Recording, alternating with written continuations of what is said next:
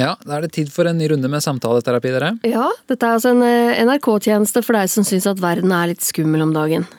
Men hva er du redd for? For at nasjonalismen igjen skal få et slags fotfeste i Europa. Og for en dyp, dyp splittelse i land etter land. Ja, og kan du få en følelse av at vi ikke forstår hverandre lenger?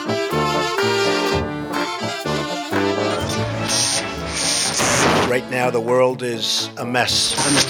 Le terrorisme, c'est le fondamentalisme islamiste.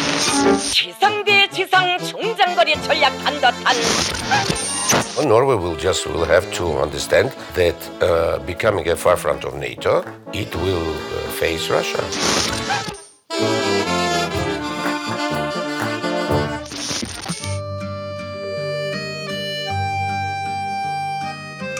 Det er mørketid du har lasta ned med Halvor Finnes Trettvoll og Nina Stensrud Martin. Og vi tenker jo at det som er skummelt, det blir bare skumlere hvis du tier det i hjel. Jepp, vi har altså trua på prat, eh, og at jo mer du forstår, jo mindre frykter du. I seks episoder skal vi prøve å komme under huden på de folka som former tida vi lever i. I dag er det Marine Le Pen vi skal nistudere. Heldigvis er vi på tråd med forfatter og journalist Simen Ekern. Hei! Hallo! Og så har vi eh, korrespondent i Frankrike gjennom mange år, Erik Aasheim med oss i morgen. Bonjour. Ja, bonjour, for du er jo også gift med en franskmann og har to franske tenåringssønner. Mhm. Marine Le Pen har blitt beskrevet som, har jeg sett, arrogant, eh, bråsint, autoritær, iskald. Dere har jo vært på tomannshånd med henne flere ganger begge to. Og Hvordan opplevde dere henne da? Du, hun var eh, helt uh, fantastisk hyggelig. Altså, hun er, uh, hun er liksom smilende og masse latter. og jeg var der i to, Sist gang jeg var alene med henne, det var i 2010, så det er noen år siden. Var, da var hun kronprinsessen i partiet. Og, og da liksom var det flere ganger hun måtte inn og snakke med faren sin midt under intervjuet, for ting skjedde og sånn. Uh, Så han kom inn og skulle høre litt på intervjuet, Jean-Marin Le Pen. Og så, og så Midt under samtalen så måtte hun ha seg en liten pause, for da måtte hun signere autografkort mens hun nynnet på en barnesang, en sånn eh, godnattasang. Og det og hennes eh, sånne f- au- eh, fankort da, ikke sant, som hun signerte mens hun nynnet, det var da bilde av henne og hennes katt Søys, for hun elsker katter. ikke sant? Så det var da, da satt hun i sofakroken med en katt og signerte og nynnet og sendte ut til fansen. Så koselig. Var det sånn for deg også, Simen? Ja, vi hadde det ganske hyggelig begge gangene jeg har møtt henne. Så selv om jeg, jeg kjenner jo igjen eh, beskrivelsen av eh, både arrogansen og en liksom bråsinthet. Altså, hun er ikke noe glad i å bli eh, motsatt. Så hvis man refererer argumenter som, som eh, kommer inn på ting som hun ikke er så fornøyd med, så kan hun bli ganske hun bli brå. da, Veldig sånn eh, insisterende. Hun er jo utdanna advokat, så man får en slags følelse at hun plutselig går inn i en sånn eh, enten en TV-debatt eller en rettssal der hun skal eh, vinne. Så hun er ikke så glad i liksom, eh, Hun jatter ikke med på noe vis, akkurat. Men, men, eh, men det var trivelig. Syns satt og røyka sånn elektronisk sigarett og hadde kattebilder på mobiltelefonen sin da jeg, da jeg var der. Så, så det er en eh, Katta er med. Du, Simen. Marine Le Pen. Når våkna drømmen om å bli politisk leder i henne? Sånn som hun beskriver det selv, bl.a. I, i en av selvbiografiene. En novembermorgen da, i 1976, da en eh, bombe sprengte eh, familiehjemmet i fillebiter. Eh, en, eh, det var kulden som vekket meg, hvis ikke det var stillheten. En dødens stillhet, øredøvende nok til å riste en liten jente på åtte år ut av sin dypeste søvn, eh, skriver hun. Og da er det stillheten etter at eh, alt har smelt, og det var glass overalt, og trappa var borte opp til rommet der hun sov sammen med de to eldre søstrene. Og de hørte faren nedenfor som, eh, som, som ropte opp da i det som hadde vært en trappeoppgang, eh, og ropte 'jenter, er dere i live?' Nabobabyen ble blåst ut eh, og havna takket være et tre eh, som tok av forfallet, så ble ikke den ettåringen skadd. Men ganske sånn dramatisk og intens eh, hendelse åpenbart, som hun har brukt mange ganger eh, opp gjennom årene også. Og Marin beskriver da også etter dette attentatet, da hun var åtte år, at eh, folk rundt henne reagerte annerledes på henne. Det ble annerledes å være datteren til Le Pen, og hun forteller hvordan naboer holdt barna sine unna Le Pen-søstrene, og hun merket da for første gang to ting. Dels at faren var en mann som folk mislikte så mye at de ville drepe ham, og dels at hun var en del av noe som hun ikke kunne komme vekk fra. Men Marin blir altså voksen, utdanner seg til advokat. Fremdeles beundrer hun jo sin far. som kjemper mot alle disse her eh, politisk korrekte kreftene med nasjonalfront. Eh, men så blir det likevel henne, etter at hun har blitt politiker, som skal ta livet av sin far politisk. Ja, Det så du på nært hold? Ja, eh, Det er jo en utrolig sånn dramatisk, nærmest eh, teatral greie hvordan dette fadermordet, som faren selv eh, beskriver, beskriver det som, da, finner sted. Men så kommer det da til en situasjon der faren som jo har støttet datteren sin, og som er veldig stolt og fornøyd med at Le Pen-navnet lever videre, i stadig større grad blir misfornøyd med den nye linjen eh, Marin legger seg på, og ikke minst, tror jeg, blir misfornøyd med at han ikke blir en sånn superrådgiver som alle spør hele tiden. Han blir satt på et kontor innerst i gangen. Så han begynner å komme med stadig flere provoserende uttalelser, ting han han vet at datteren har bedt henne om å la være å snakke om, f.eks. alle disse spørsmålene rundt holocaust eller saker som handler om krigen i Algerie, alle, alle tingene som mm. lå i, i partiet helt til å begynne med. In the last 12 months, you came back in the public arena and repeated these things, saying that the gas chambers were just a detail of the history of the war. Ce n'est pas moi, c'est M. Bourdin, euh, le journaliste, qui m'a posé une question. Il m'a dit Est-ce que vous regrettez d'avoir dit euh, les chambres à gaz sont un détail de l'histoire de la guerre J'ai dit non, je ne le regrette pas, parce que je pense que c'est une réalité. Og så bestemmer eh, Le Pen sammen med rådgiverne sine at de skal eh, ekskludere eh, faren. De kan ikke ha han i partiet lenger. Han er for giftig. Dels er han for giftig innad i Frankrike, men han er også for giftig for Nasjonal Front som parti i Europa.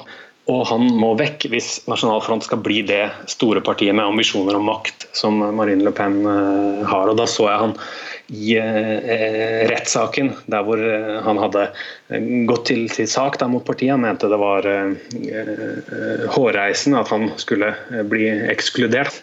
og, og se den mannen da komme inn i retten med stokk og, og krokodilleskinnsko og, og et sånt lite lommetørkle i, i Frankrikes farger. går sakte, setter seg ned og begynner å dunke med den stokken. Sånn taktfast dunk, dunk, dunk før retten eh, er satt. Det er nærmest som om man venta på å komme inn på scenen under et valgmøte. Eh, men da fikk man altså høre den besynderlige seansen der grunnleggeren av et høyreekstremistisk parti blir beskyldt av motpartens advokat, som representerer nettopp det partiet, eh, og som beskylder han for å ha kommet med høyreekstremistiske uttalelser. Det er jo egentlig fullstendig absurd. Så Man fikk jo et inntrykk av både at dette handler om andre ting, det handler om et eh, spill om hva det partiet skal være, og så handler det da altså om, om et forhold mellom en far og en, og en datter. Oh, det, det, det drama kunne vært skrevet av Shakespeare. Vive Marseille! Vive la République! Vive la France!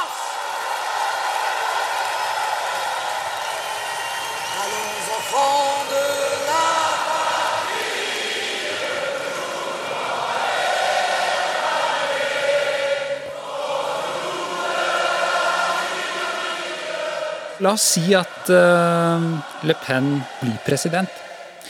Hva slags president blir president Le Pen, Erik Åsheim? Det blir vel ikke akkurat noe varmere samfunn i Frankrike. Eh, jeg tror det vil bli veldig vanskelig for henne å å styre. Eh, altså Samfunnet kommer til å bli lammet altså for hver minste ting hun kommer til å, å forsøke å, å innføre. Så, så, vil jo det være demonstrasjoner, og, og, og, det vil jo bli forsøk på revolusjon tror jeg, annenhver dag i Frankrike.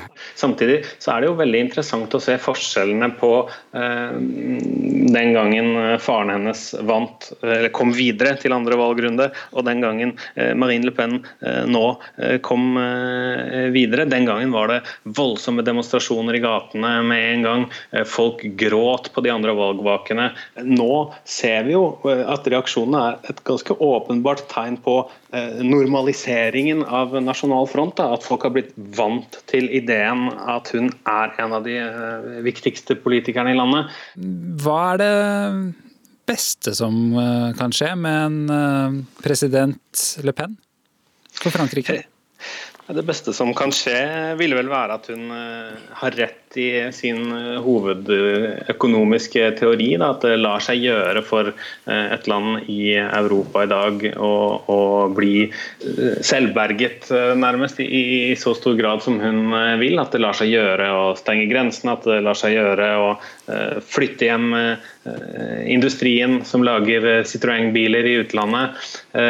For henne så er liksom Frankrikes stolte fortid eh, et eller annet som er bra eh, nesten uansett. Alt som er og har vært ekte fransk er bra. Det er fascinerende altså, hvordan mange av disse bevegelsene på ytre høyre har en eller annen idé om eh, en eh, storhetstid som de vil revitalisere eller komme tilbake til. Da. Så Det var interessant. Jeg visste ikke at det var sånn med henne også, men uh, artig. Men, men, jeg vil gjerne vite hva den splittelsen som vi ser i folket, i liksom det ene vestlige demokratiet etter det andre, som kalles kampen mellom folk og elite, handler om også i Frankrike. Hun er jo folkets stemme. ikke sant? Hun bruker det mange ganger, uh, i motsetning til Macron, som er, som er elitens stemme. Uh, og hun tar alle disse industrisamfunnene, alle disse gruvesamfunnene, altså, der, altså disse triste stedene nord i Frankrike som ingen norsk turist noensinne kommer til å reise. altså De tar hun på ramme uh, alvor, og det er de hun besøker nå i disse dager, disse to ukene, for å måtte styrke liksom enda mer sitt fotfeste der. Det er jo et hovedskille i, i eh, Marine Le Pens eh, nasjonalfront. Eh, globalistene mot patriotene som hun opererer med, der globalistene er alle fra internasjonale finansfolk, store banker, alle som har noe med EU å gjøre, naturligvis. Elitene i Paris osv. Alle som sørge for at eh, vanlige folk blir eh, rammet av en ideologi, som da er globaliseringsideologien, og som gjør at, at, eh, at folk får både arbeidsplassene sine og identiteten revet. Røttene blir revet opp og flyttet ut. Altså, hvem, hvem, er den franske eliten? Er avstand større enn i Norge f.eks.? Hvordan skal vi kunne beskrive de folkene som de har en eller annen sånn da, eh, irritasjon eller et agg mot? Det er jo åpenbart at, at landet har en eh, struktur som er vant til at det finnes noen skoler man skal gå på hvis man skal nå opp i systemet. Det finnes eh, noen kretser man skal være en del av. Eh, og det er på ingen måte feil at det at, Eller det er, ikke, det er ikke noe vanskelig å skjønne at mange i Frankrike kan føle at det er noen som har bestemt alt på forhånd, liksom, og det er ikke meg. Og Det finnes jo undersøkelser også på hvilken barnehage man helst bør begynne i, i, i Frankrike for å måtte være sikker på at man skal gå den rette veien eh, og havne på den eh, rette eliteskole etterpå. Og, og, og, Macron er jo en, er jo en eliteskolemann. Han ble jo, etter at han drev og flørta med sin framtidige kone da han var 16 år, da hun var 24 år eldre og var fransk og teaterlærer, så ble han jo tvangssendt til, til Paris og, og, gikk på Henri Quatre, altså den, den flotteste, beste eh, elitevideregående skolen i, i, Frankrike. Og senere har han jo fortsatt det løpet. Mm. Uh, og han feiret jo valgnatten, så gikk han jo på en restaurant som heter La Rotonde, som er sett på som litt sånn elitens intellektuelle sted. Det er for, for øvrig Eva Jolies uh, stamsted. Uh, og det har jo Marine Le Pen brukt for alt det det har vært nå de siste dagene. ikke sant? Mens hun drar opp til, til nedlagte industrisamfunn, så, så, så, sier hun ja, jeg er her på markedet, mens Macron liksom går på La Rotonde. ikke sant? Så det er på en måte... Men hun er jo også en borgerlig, velutdanna elitedame? Ja, det er ja. Men likevel arbeidsfolkets heltinne. Faren hennes erter henne jo med det eh, nå om dagen. Han sier uh, Marine Le Pen har aldri vært sulten, tross alt. Ja, hun har vokst opp veldig borgerlig. altså Dette, dette uh, slottslignende 1800-tallshuset uh, som heter Montretou, hvor hele familien vokste opp. Der var det mye garden parties og, og, kjendiser og skuespillere og klassisk borgerlig oppvokst. Det huset har litt sånn snev av huset i, i Adams Family, og du kan si at familien selv også er jo litt Adams Family, spør du meg meg. Eh, altså I det huset der bodde jo moren eh, Pierrette eh, sammen med Jean-Marie og, og, og, deres barn. Og innenfor de veggene dette luksushuset, lille slottet, så, så, har de jo kranglet og kranglet og kranglet. Og, og, det endte jo med skilsmisse der. En dramatisk skilsmisse som jo også har preget Marine Le Pen veldig mye. nå var det sånn at denne, da hun Pierrette gikk ut døren, da tok hun med seg Jean-Marie Le Pens uh, falske glassøye. Uh, mens Jean-Marie Le Pen nærmest beholdt i pant urnen fra Pierrette sin, sin mor. og Så ble det en slags utveksling her, da, men så krevde jo da denne i skilsmissen og krevde hun å få med seg en del penger ut, og det nektet Jean-Marie Le Pen å gjøre. Så han sa at hvis skal du ha penger, kan du ta deg en vaskejobb. Og det hun gjorde da, var å stille opp på forsiden i, i Playboy, ikke sant? naken med, med, med, med en vaskekost. Så sånn endte det. Men altså, denne type historier har jo også preget litt den der vulgære språkbruken som uh, Marine Le Pen har i dag. Og klart at Det kan fortelle noe om hvordan hun i dag snakker. ikke sant? Fordi hun, er jo, hun snakker jo som folket på gulvet ikke sant? I, i, i veldig sterk grad. Uh, denne Edvard Louis-boka, ja. 'Farvel til Eddie Bølgell'. Mm. Som eh, kanskje også, og, og, i hvert fall diskusjonen rundt den, kanskje også avslører at det er en, ikke bare en eh, sånn at arbeidsfolk ser eh, på eliten med mistenksomhet og syns at de er, har noe problematisk ved seg, men at det også finnes en eh, motsatt tendens, altså en slags sånn form for forakt for det folkelige. Og det som Hillary Clinton brant seg så fælt på med å kalle de the deplorables. Altså Er det en tankemåte som, eh, som eksisterer i den franske eliten? At her er det noen krefter i folket som man må sørge for at det ikke kommer til overflaten? Og Det er jo det han rømmer fra i, i boka. ikke sant? Mm. En beskrivelse av et uh, samfunn der han uh, som homofil blir utsatt for uh, vold, for mobbing osv. Mm. Ja, klart Det er mye arroganse her, altså, altså fra eliten mot, uh, mot, de som bor på disse stedene, som, uh, som Edvard Louis, som du, du refererer til her, er, er, vokst opp. altså Hele dette Picardie-området, som, som, er jo urkjedelig på mange måter. ikke sant? Mm. Og, og, enorm arbeidsledighet, og, og ganske vulgær. og måtte, det er liksom, Søndagsdressen er jo måtte grilldressen nå. ikke sant? Altså, er, mm. all, Alle klisjeene ikke sant, er der, og der er det en ganske kraftfull arroganse, vil jeg si, fra den parisiske eliten mot, mot, den type folk. Det er ikke lett å komme seg inn i elitemiljøet i, i, Paris med en eh, sånn bakgrunn. Nå har jo da Edvard Louis klart det. ikke sant? Ja, Samtidig for han sikkert helt nødvendig å, å ta den reisen som han tok. For å overleve, tok. ja. Mm. Og så ser man jo at dette er jo åpenbart uh, sant, men så er det jo ikke noe eh, mindre sant at Nasjonal Fronts politikere uh, stort sett, og kretsen rundt uh, Marine Le Pen i alle fall, jo representerer et helt annet og mye mer elitistisk Frankrike. Der har jo tiden da, det var vanskelig å finne høyt utdanna folk til å sitte i Nasjonal Front-posisjoner, er, er jo over. Og nytt av året, vi må ikke glemme det, det er jo at på eliteskolen Seins på for første gang så det jo, ble det jo nå i år etablert et eget Marine Le Pen-politisk uh, gruppe. ikke sant? Altså Det er skolen Jonas Gahr Støre har gått. Dette er virkelig venstresiden, elitens uh, høyborg når det gjelder statsvitenskap og, den type fag. og det har gått. ikke sant? Altså Det sier jo litt om hvordan dette partiet har endra seg. Det ville vært umulig for noen få år siden. Men det er en annen sånn klassisk argumentasjonsrekke som man ofte hører når man snakker om hvorfor er det sånn at arbeiderklassen, om man vil, eller folk lenger ned i det sosiale hierarkiet, velger å stemme på et parti til høyre. En forklaring på det som av og til brukes, er jo at hvis man først skal, pardon my French her, altså, bli rævkjørt, så er det bedre å bli rævkjørt av folk som i alle fall speiler verdiene dine. Eh, og ikke en sånn gjeng med like businessvennlige, men globalistiske, metroseksuelle, multikulturelle, urbane, liberale folk. Er det, det er det noe det? Men dere, nå står vi jo da foran en helt sånn episk kamp mellom to vidt forskjellige syn på hva som bør være Europas framtid. ikke sant? Macron så EU-vennlig at det for første gang på flere år har blitt vifta med EU-flagg på politiske møter, og Marine som vil endevende og om ikke melde Frankrike ut av unionen. Hva skjer med, eh, med EU om Le Pen blir president? Da vil hun uh, arrangere så fort som mulig en, en folkeavstemning uh, og få Frankrike ut av EU. Uh, altså hun, hun hater jo EU så mye at hun altså Det siste store intervjuet på fransk TV, der hadde de en sånn fast eh, dekor i bakgrunnen, hvor det var både EU-flagget og det franske flagget. Alle andre kandidater satt foran begge flaggene. Hun nektet før EU-flagget ble fjernet fra, fra dekoren, ikke sant? og fikk ja fra TV-stasjonen. Yes. Ja, nei, det, det, er jo denne avstemningen, selv om hun har jo merket, og det har det jo vært snakka om også i valgkampen, at Eh, det er jo ikke noe sånn åpenbar eh, vinnersak eh, for henne. EU-spørsmålet er problematisk. Mange franskmenn er litt bekymret for, om, for hvorvidt hun egentlig har planen klar for hva som skal skje når, når frangen skal innføres og, og, og grensene skal stenges. Da har vi fått høre hva dere tenker at skjer om, om Marin vinner, hva som skjer med EU da. Vi skal føre fasiten, da. For Nigel Farage, altså mannen som leda UKIP, og brexit-bevegelsen, hadde et langt intervju med Le Pen i sitt eget Nigel Farage-show, og der eh, ble han stilt dette spørsmålet.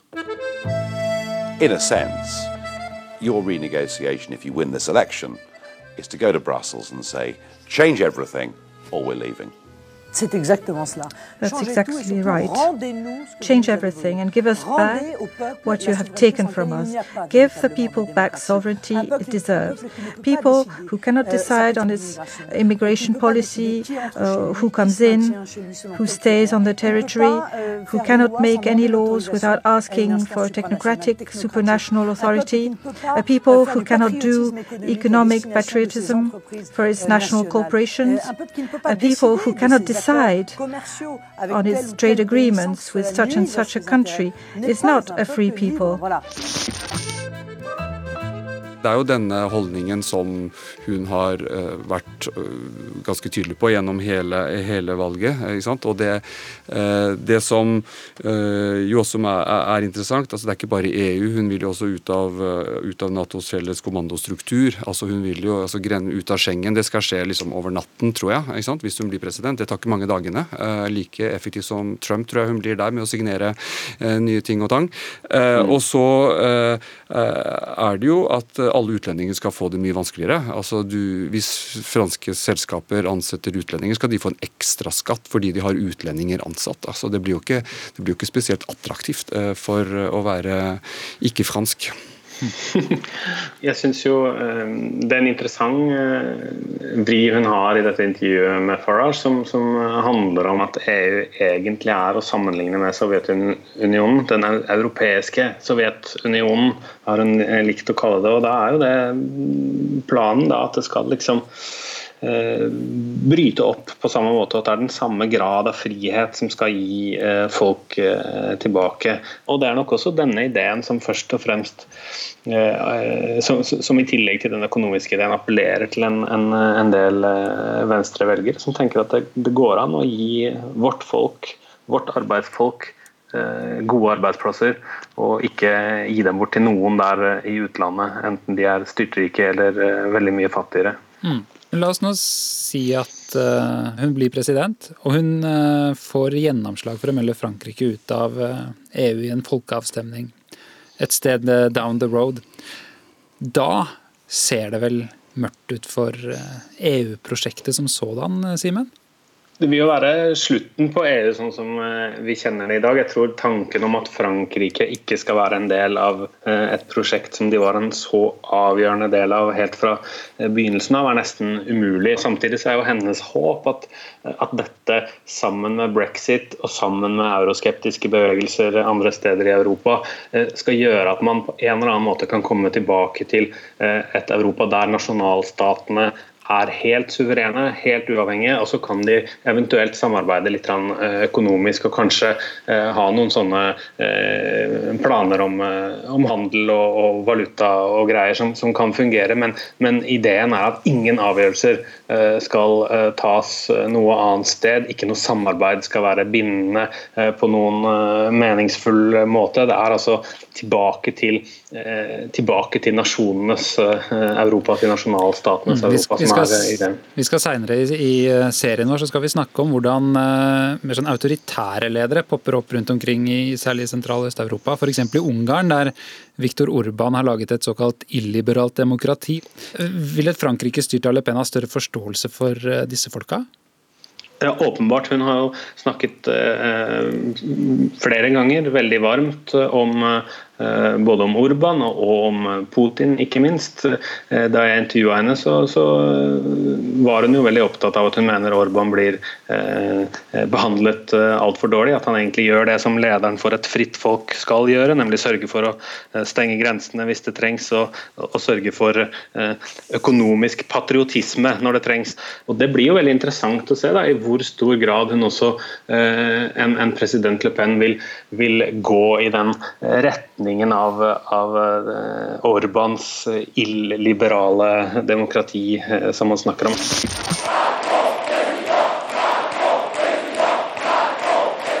Nå var det Emmanuel Macron som vant første valgomgang, og han framstår jo som en sånn eh, liberal type. Moderne.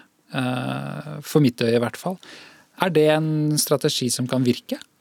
Ja, for mange vil jo oppleve dette som et valg mellom kolera og, og, og, pest også. ikke sant? Mm. Så at, eh, klart at, uh, Men for de som uh, er begeistret for Macron, så er det jo fordi han, det er et nytt ansikt, det er en ny stemme.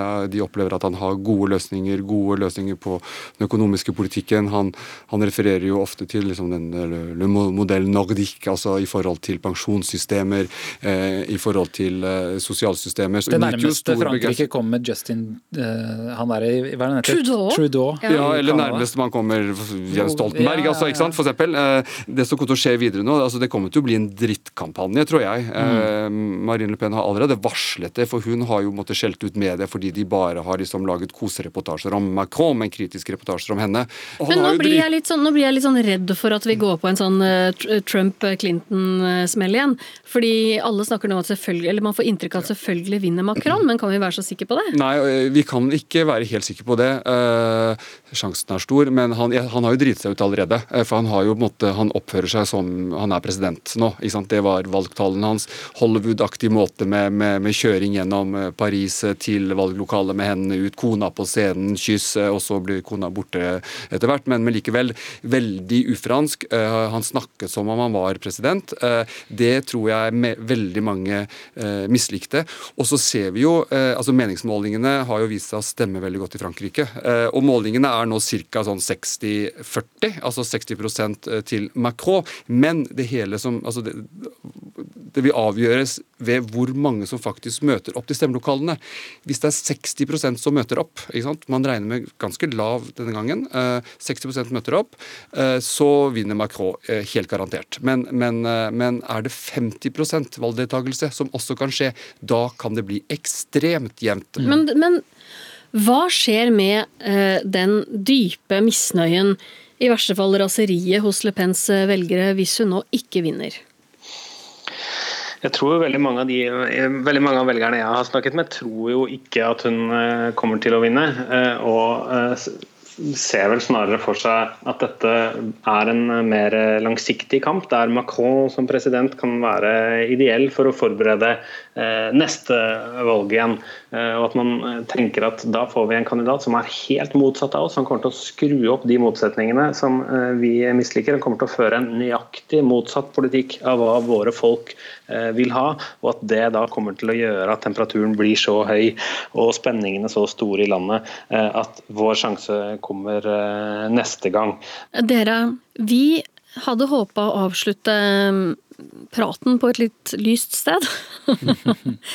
Hva er det beste dere ser i den politiske utviklinga i Frankrike og Europa om dagen? Den dramatiske situasjonen som man har hatt i Europa etter eh, finanskrisa, og framveksten av eh, høyrepopulistiske partier, har jo også gjort noe med den politiske diskusjonen. Man har fått en følelse av at det haster med å tenke nytt. Det haster å, å, å finne eh, brukbare forslag som ikke passer inn i de gamle skjemaene, også på den andre siden i politikken. og Det ser vi jo helt fra ytre venstre til langt inn i, i, i sentrum. Og også en erkjennelse av at man kanskje må finne en annen måte å snakke om politikk på for å få folk til å uh, føle at dette faktisk uh, handler om de problemene de er opptatt av. Uh, og jeg tenker at det eh, også gjør noen ting med den politiske samtalen i hele Europa. Mange har blitt klar over at det som skjer i de andre landene, eh, det på, eh, angår oss også på en helt annen måte enn før. Og jeg tror at mye av det der eh, lager en sånn basis for et eller annet som, som, eh, kan, eh, som kan bli bra. da. Og Det som jeg syns er deilig med det som skjer i Frankrike nå, er at vi endelig har en favorittkandidat som, som, faktisk ser optimistisk på fremtiden. Mm. Han ser muligheter. Han, det er ikke det der franske skal gjennomanalysere alt og Descartes og jeg tenker derfor er jeg og så videre, og argumentere tese og antitese opp og ned i mente. Han er jo filosof, ikke sant. Macron, så han er jo en, en, en intellektuell, men, men, likevel en intellektuell med et uh, meget positivt syn på, på fremtiden. Det kan jo selvfølgelig henge sammen med at hans eh, svigerforeldre drev den mest eh, luksuriøse sjokoladebutikken i, i, i, byen der han kom fra. Så klart at uh, har nok fått en del god sjokolade med seg, som gjør at man ser litt uh, mer positivt på livet. Ja.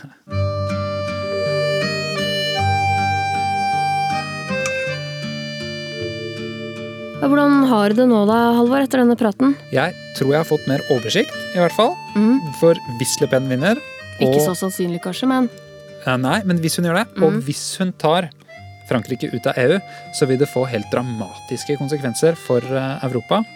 Så er ikke, eh, så er ikke sjansen kjempestor, som du sier. Mm. Men skjer det, så er konsekvensene store. Mm. Brexit pluss frexit mm. er lik ja, noe vi ikke har sett før.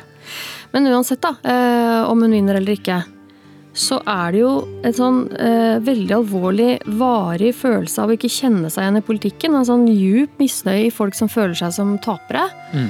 Eh, i, i, sitt eget samfunn, som vi må ta på alvor. Som vi må lytte til. Det er noe å tenke på, i hvert fall, til neste gang. Da skal det handle om Donald Trump, Steve Bannon, og hvor langt man kan pushe en løgn.